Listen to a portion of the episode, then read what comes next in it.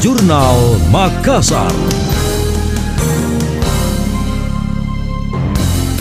Saya Emil Faris dalam Jurnal Makassar. Pandemi COVID-19 yang melanda dunia telah mengubah pola bisnis di hampir semua negara, di antaranya kebutuhan teknologi dalam menjalankan usaha. Menteri Investasi Bahlil Lahadalia saat hadir dalam peluncuran jaringan 5G Indosat Urido di Makassar beberapa waktu lalu mengatakan, perubahan terjadi bukan hanya pada sektor bisnis tapi juga pendidikan, sehingga proses belajar mengajar dilakukan secara virtual yang membutuhkan teknologi yang memadai. Untuk itu ia mendukung keberadaan jaringan 5G yang dihadirkan provider telekomunikasi tanah air sebagai upaya memenuhi kebutuhan teknologi semua pihak, khususnya di wilayah Indonesia Timur.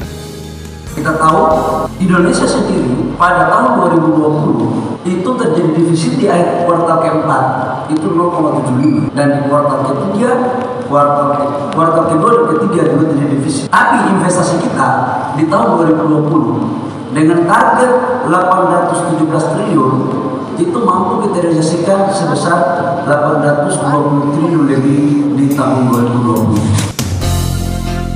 Di sisi lain, Bahlil menyebut realisasi investasi justru semakin meningkat di tengah pandemi COVID-19, utamanya di luar Jawa. Berdasarkan data Kementerian Investasi BKPM sepanjang triwulan 3 2021, realisasi investasi di Jawa mencapai 104,2 triliun atau 48 persen. Sedangkan di luar Jawa mencapai 112,5 triliun atau 51 persen. Hal itu salah satunya disebabkan masifnya pembangunan infrastruktur di luar Jawa yang diinisiasi oleh Presiden Joko Widodo. Capaian tersebut sejalan dengan tujuan pembangunan infrastruktur untuk pemerataan ekonomi serta untuk melahirkan kawasan ekonomi baru.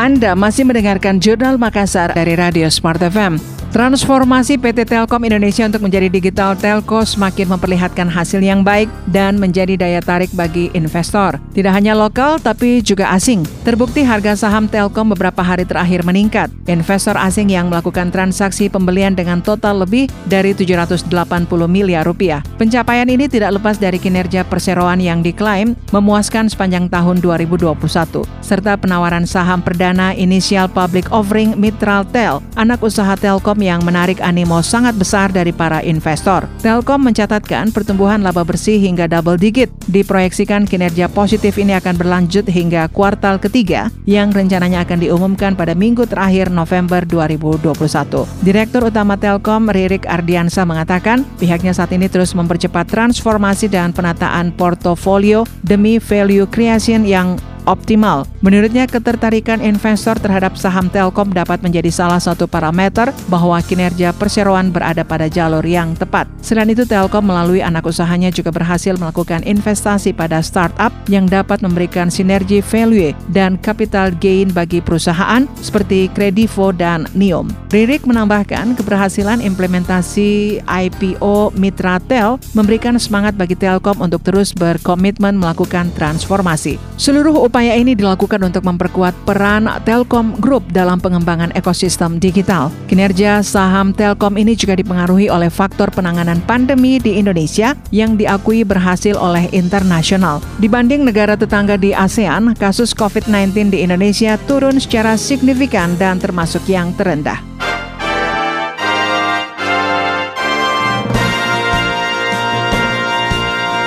Demikian tadi, Jurnal Makassar.